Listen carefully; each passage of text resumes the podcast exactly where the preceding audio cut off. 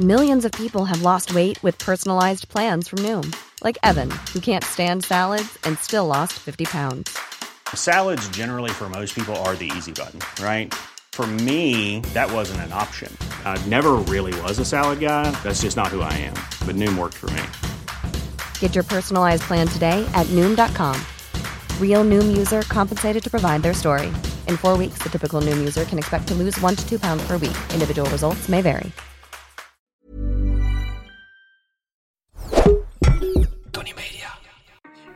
Het is oorlog in Europa. Gaan we allemaal dood in een kernoorlog? Nee, ik denk het niet. Gaat de oorlog de wereld veranderen? Dat weet ik zeker. In samenwerking met Dagblad Trouw probeer ik met deze podcast grip te krijgen op de oorlog. Hier houd ik je wekelijks op de hoogte van de situatie in Oekraïne en Rusland. In deze donkere tijden met een oorlog in het Midden-Oosten, oorlog die volgens mij nog lang niet voorbij is, en natuurlijk ook oorlog in Oekraïne, die nu alweer 600 dagen bezig is, en ook gerommel in de Caucasus, waar ik zo nog op terugkom, en dichterbij in Brussel, is het denk ik belangrijk om ook lichtpuntjes te blijven zien. En zo'n lichtpuntje is Polen. Na de verkiezingen daar lijkt het erop dat de partij die de PIS heet, het is ook echt een PIS-partij, ultraconservatief en anti-Europees, uh, in ieder geval dat die partij geen coalitie meer kan vormen.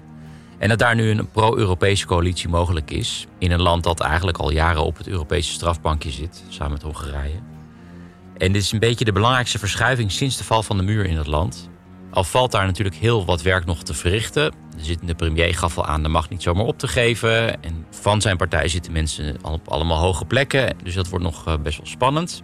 Maar hoe dan ook, Polen, dat zo'n belangrijke verbinding is tussen Oekraïne en de rest van Europa, hoort waarschijnlijk weer bij de Europese familie.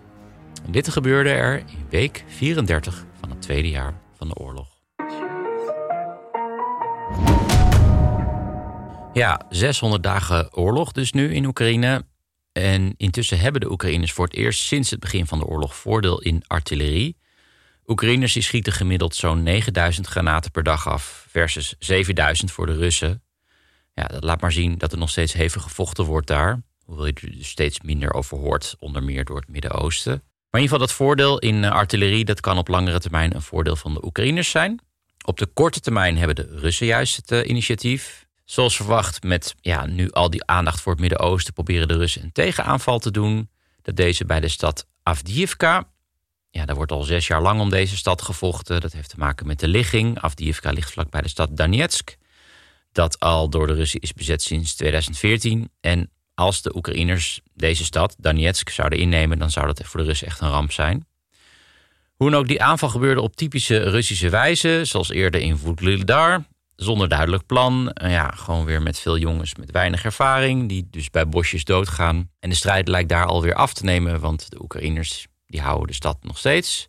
En het begint eigenlijk steeds meer op te lijken dat ja, zowel de Russen als de Oekraïners niet in staat zijn, of niet meer in staat zijn om echt goed aan te vallen. En dat we richting een padstelling gaan, aan het front althans. Want er zijn nog wel steeds grote aanvallen achter de linies. Zo kwamen er weer drones neer, Oekraïense drones, helemaal in de badplaats Sochi. Dat is 700 kilometer van uh, Oekraïne vandaan. Volgens mij voor het eerst daar.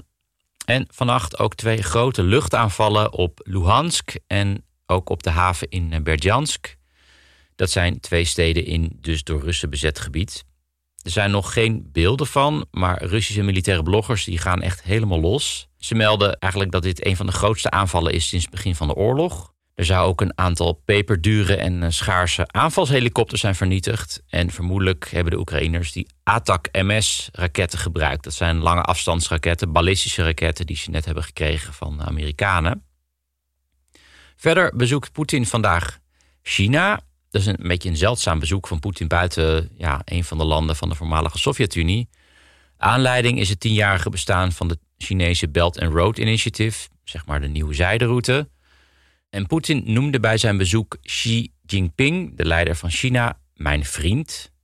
Maar ja, Xi is eigenlijk gewoon meer zijn baas en Poetin is gewoon een beetje zijn little bitch. Ehm, want Rusland is volledig afhankelijk van China. Nog een gevolg van deze stupide oorlog. Gaan we door naar de Russische media.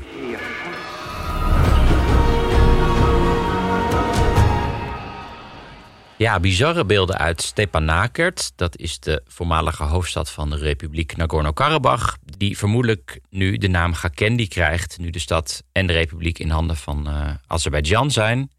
En er 120.000 etnische Armeniërs. Ja, die zijn nu gevlucht naar Armenië. Die wonen dus in, in dat Karabach. Dat zou normaal op elke voorpagina staan. Maar ja, er is gewoon niet genoeg plek op de voorpagina. In ieder geval, op beelden zie je president Aliyev van Azerbeidzjan door een leeg Stepanakert lopen in camouflageuniform.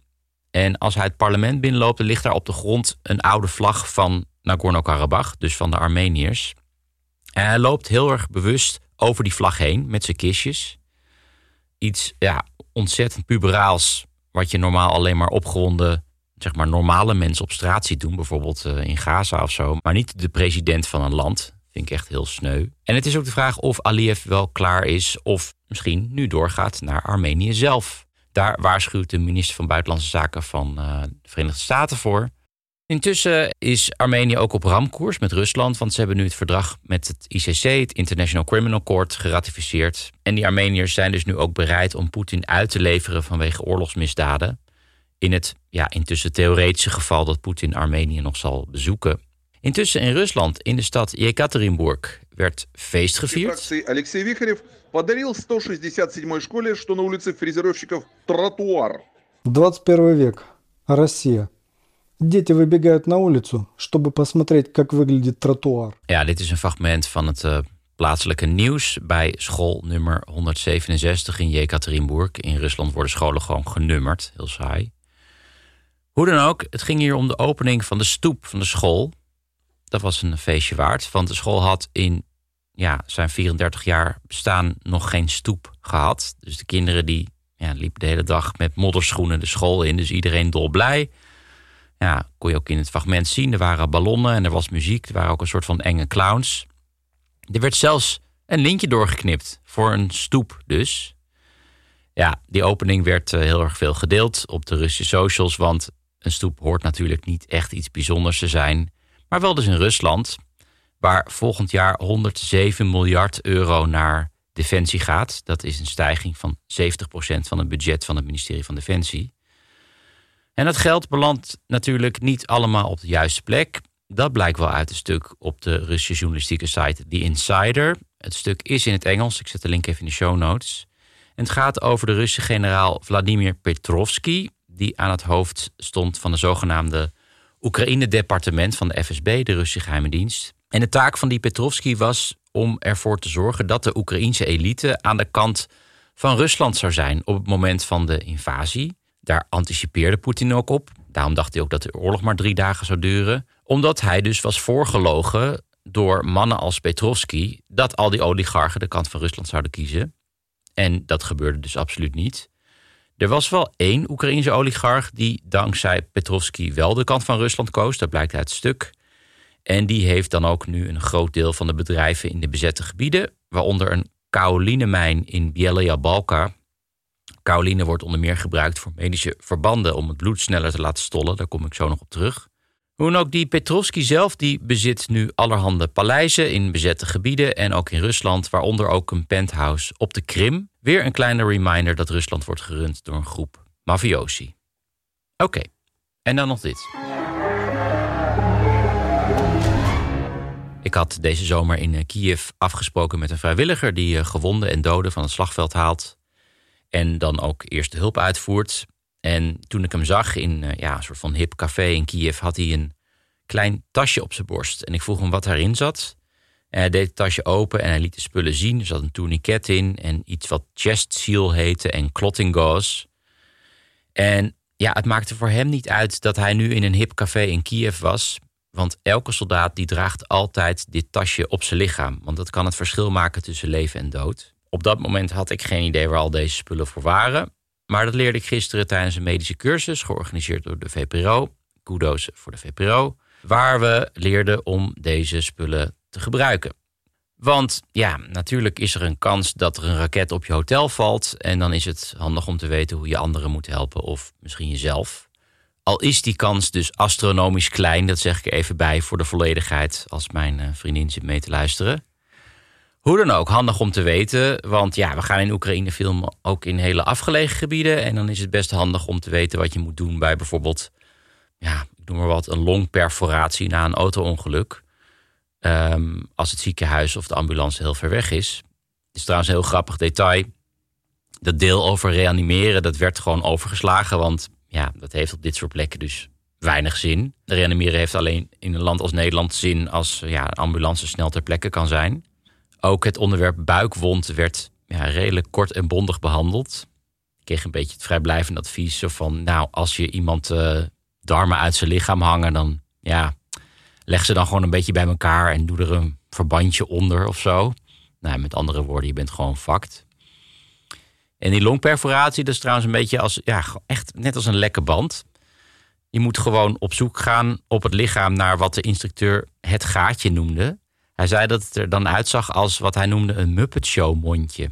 Ik weet nog steeds niet wat hij bedoelt. Ik bedoel, elke Muppet heeft toch ook ja, een andere mond. Maar goed, eh, net als bij een uh, ja, plakken van een band, plak je gewoon dat gaatje dicht met een speciaal plakband. Maar meestal gaat het dan om een afgeblazen arm of been door ja, een mijn of een granaatscherf. En dan moet je dus een tourniquet plaatsen of heel veel verband in die wond proppen. Want het komt gewoon eigenlijk hierop neer. In je lichaam zit 5 liter bloed. En als je dan de helft verliest, of meer dan de helft verliest, dan ben je dood. En dat duurt ongeveer 2,5 minuut bij een slagadelijke bloeding. Dus je hebt 2,5 minuut om ja, dat tourniquet te zetten of dat verband erin te proppen. En dat is midden in een oorlogssituatie. Want dat werd wel enigszins gesimuleerd. Want we kregen een kogelvrij vest. Dat was echt loodzwaar. En we kregen ook een helm. En moesten ook allemaal eerst allemaal squats en uh, burpees doen. En uh, rondrennen op de parkeerplaats van de VPRO. Iedereen was wel gewaarschuwd trouwens. Iedereen van de VPRO wist dat het gebeurde. Dat ze niet in paniek raakten of zo. In ieder geval, dan kom je dus helemaal uitgeput aan bij het slachtoffer. Die dan ja, bewusteloos is of, of absoluut niet wil meewerken. Dat schijnt dus ook vaak te gebeuren aan het front door shock. En het lukte ons dus nauwelijks om binnen die 2,5 minuut zo'n tourniquet te zetten. Laat staan om een muppenpondje te vinden. Maar oh ja, hoe moet het dan zijn in een echte oorlog voor een jonge Oekraïnse soldaat? Bijvoorbeeld op dit moment in Avdiivka. Een soldaat die veel minder goede spullen mee heeft als hij zal heeft. En dus binnen die 2,5 minuut het leven moet redden van zijn medesoldaat. Terwijl dus de kogels om zijn oren fluiten of weet ik veel, een sniper op de loer ligt. En dat is dus waar honderden Oekraïnse soldaten elke dag al 600 dagen mee moeten dealen. Met het einde helaas nog niet in zicht. Bij mij aan de lijn is Maurits Voorthuis. Hoi Maurits. Dag. Hallo. Maurits die studeerde Russisch en Eurasiatische studies. Hij studeerde af op uh, het conflict in de Donbass en vocht oorlog op de voet. Hey Maurits, de afgelopen zomer ging jij naar Oekraïne om mee te helpen met de heropbouw van het land.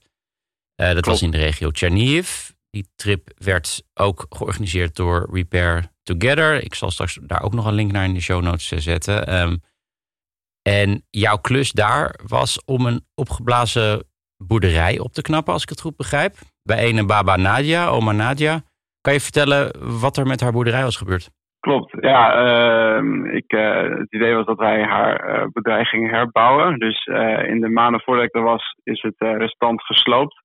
En wij gingen een nieuw woonhuis voor haar neerzetten. Dus wij waren bezig met het fundament. Ja. Ja, op een gegeven moment had ik aan Baba Nadia gevraagd van... Goh, wat is hier nou eigenlijk gebeurd? Mhm. en ze zei... Ze zat in de aardappelkelder met haar man en de Russen kwamen binnen.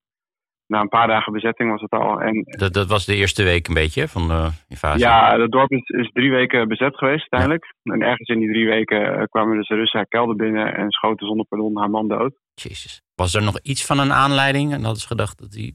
Niet dat ik uit haar verhaal heb begrepen. Het, was ook, het zijn ook oudere mensen, een jaar of zestig. Dus ja, hmm. uh, ik had niet begrepen dat er iets van een aanleiding was. Hmm. Maar... Um, en, en, haar huis staat naast uh, de kerk. En uh, op een later moment, toen de Russen wegtrokken uit het dorp, hebben ze die kerk opgeblazen, omdat dat hun munitiedepot was. Ja. Dus ze konden niet alle munitie meenemen.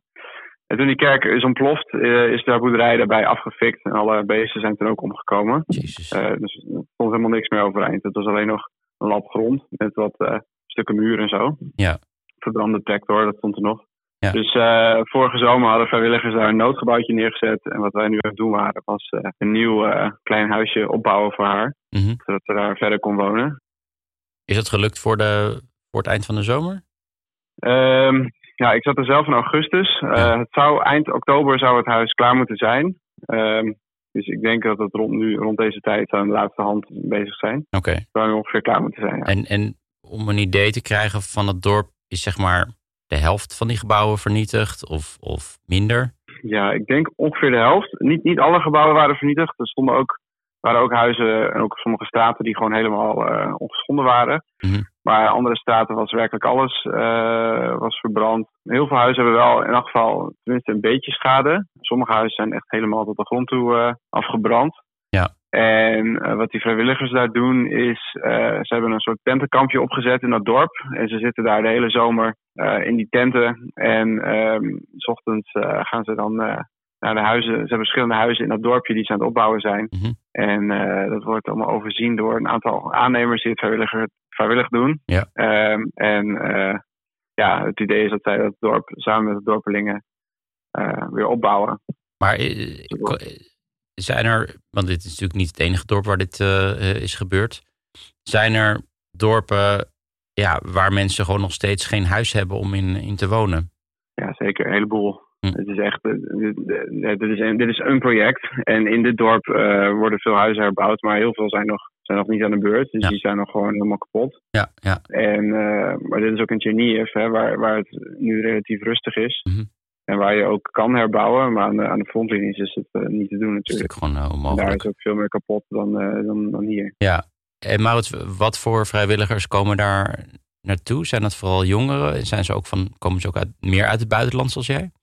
Ja, het, het, hele, het hele project Prepare Together, dat komt eigenlijk voort uit een beetje uit de techno-scene van Kiev. Mhm. En uit de, uit de techno-festival scene. Ehm, dus mensen die, die voornamelijk eerst eh, festivals organiseren, organiseren nu dit, eh, dit project. Mhm. Dus de meeste vrijwilligers zijn eh, jongeren uit, uit Kiev. De jongste was 17. Ik denk dat de meeste tussen de 25 en de 30 zijn. Mhm. Maar er, zijn ook, er lopen ook een paar rond die eh, 40 of 50 zijn. Ja. Ehm, en het zijn voornamelijk hipsters uit Kiev eigenlijk. Ze lopen er ook allemaal bij alsof ze naar een festival gaan. Dat is eigenlijk wel heel leuk om te zien. Ja. En eh, een paar verdwaalde buitenlanders zoals ik. Ja. Ja, wat, wat ze doen is dus 's ochtends eh, om 7 uur opstaan, ontbijten en dan op eh, gedoneerde fietsen van Zeilen van Vrijheid eh, fietsen ze naar die, eh, die huizen toe waar die Mhm. projecten zijn. Staat ook op de fiets staat een sticker met gemeente Amsterdam, let op, uw fiets is verkeerd geparkeerd. nou, dan eindigt hij dus in Chernihiv. Ja. En, en, ehm, ja, en dan is het de hele dag werk aan die huizen. Ja. Onder toezicht oog eh, van een eh, aannemer uit Ierland die dit vrijwillig doet. Oké. En dan begrijp ik dat, dat s'avonds ook nog wel ruimte is om, eh, om te feesten.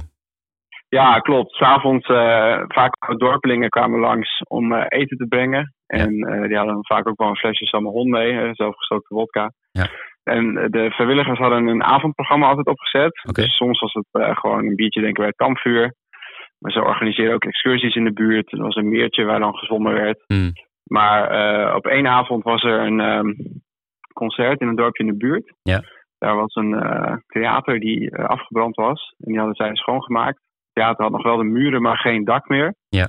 En er kwamen DJ's en een bandje uit Kiev. Okay. En uh, ze hebben daar een uh, techno-rave gehouden in, uh, in het daar theater. gedanst. Ja, ja, en dat was echt. Uh, je had dus de, de, de, die jongeren uit Kiev, ja. die dan allemaal heel modern bijlopen. En uh, dan had je de locals uit het dorp. Af en toe was ook een verdwaalde babushka, die, die kwam daar even. Ja, maar ja? best wel veel ook. En ook oh, kinderen tof. uit het dorp. Dus het was, voor hen was het natuurlijk een hele gebeurtenis. Te gek. En het was zo'n mooie, mooie clash tussen cultuur eigenlijk, wat gewoon heel, heel goed ging. Het, was, het was echt fantastisch. Want heb je het met die uh, Kievse jongeren ook gehad over ja, dat voelde ik in ieder geval heel erg in Kiev. De, zeg maar, het schuldgevoel om te feesten. Het schuldgevoel om iets leuks te doen terwijl er een oorlog aan de gang is. Worstelen die jongeren daar ook mee? Het specifieke onderwerp heb ik het eigenlijk niet zo mee gehad, mm -hmm. over gehad. Maar ik denk dat dit, dit kamp wel een hele mooie uh, manier is voor hen om hun zomervakantie te besteden. Ja. Omdat het aan de ene kant, die doet gewoon iets heel erg goeds. Maar aan de andere kant is er nog steeds een soort uh, zomerkamp waarbij je, dus, het is gewoon oprecht heel erg leuk. En je zit met andere jongeren, uh, kom je in contact en uh, s'avonds wordt er gedanst. Ja. Dus het is, gewoon, het is gewoon een hele leuke zomervakantie op die manier. Overdag bouw je het land op en... Uh, ja, ondertussen ben je gewoon hard aan het werk om iets goed te doen. Dus ja. het, is echt, het is echt fantastisch. Ja, het is een gek. geniaal concept. En Maurits, als er nou luisteraars zijn die interesse hebben... om ik neem aan dat volgende zomer natuurlijk nog genoeg te doen valt... Um, kunnen ze zich ergens melden?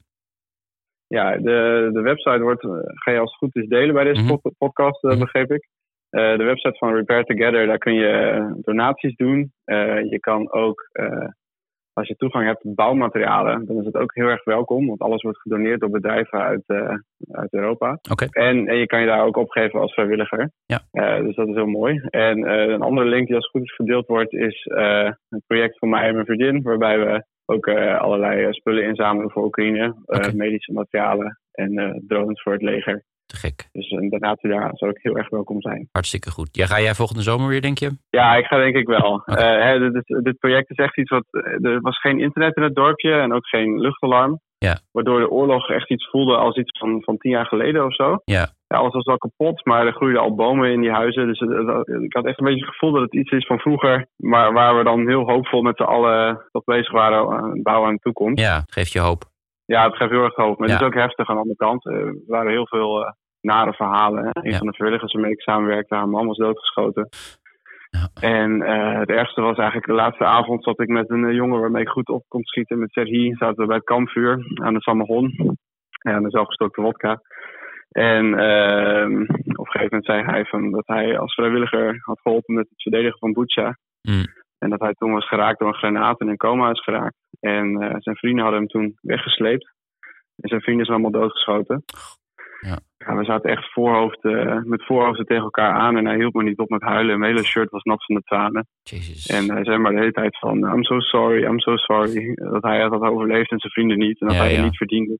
Survivors Guild.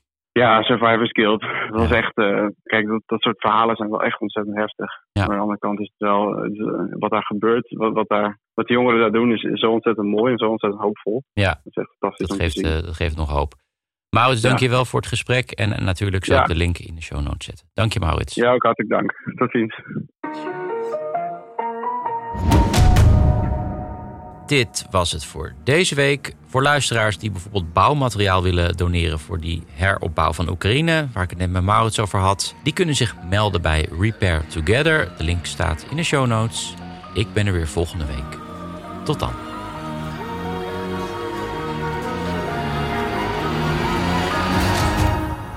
Dit was een productie van Tony Media en Dagblad Trouw. Voor meer verdieping ga naar trouw.nl. Planning for your next trip? Elevate your travel style with Quince. Quince has all the jet setting essentials you'll want for your next getaway, like European linen, premium luggage options, buttery soft Italian leather bags, and so much more. And is all priced at 50 to 80% less than similar brands. Plus, Quince only works with factories that use safe and ethical manufacturing practices. Pack your bags with high-quality essentials you'll be wearing for vacations to come with Quince. Go to quince.com slash pack for free shipping and 365-day returns.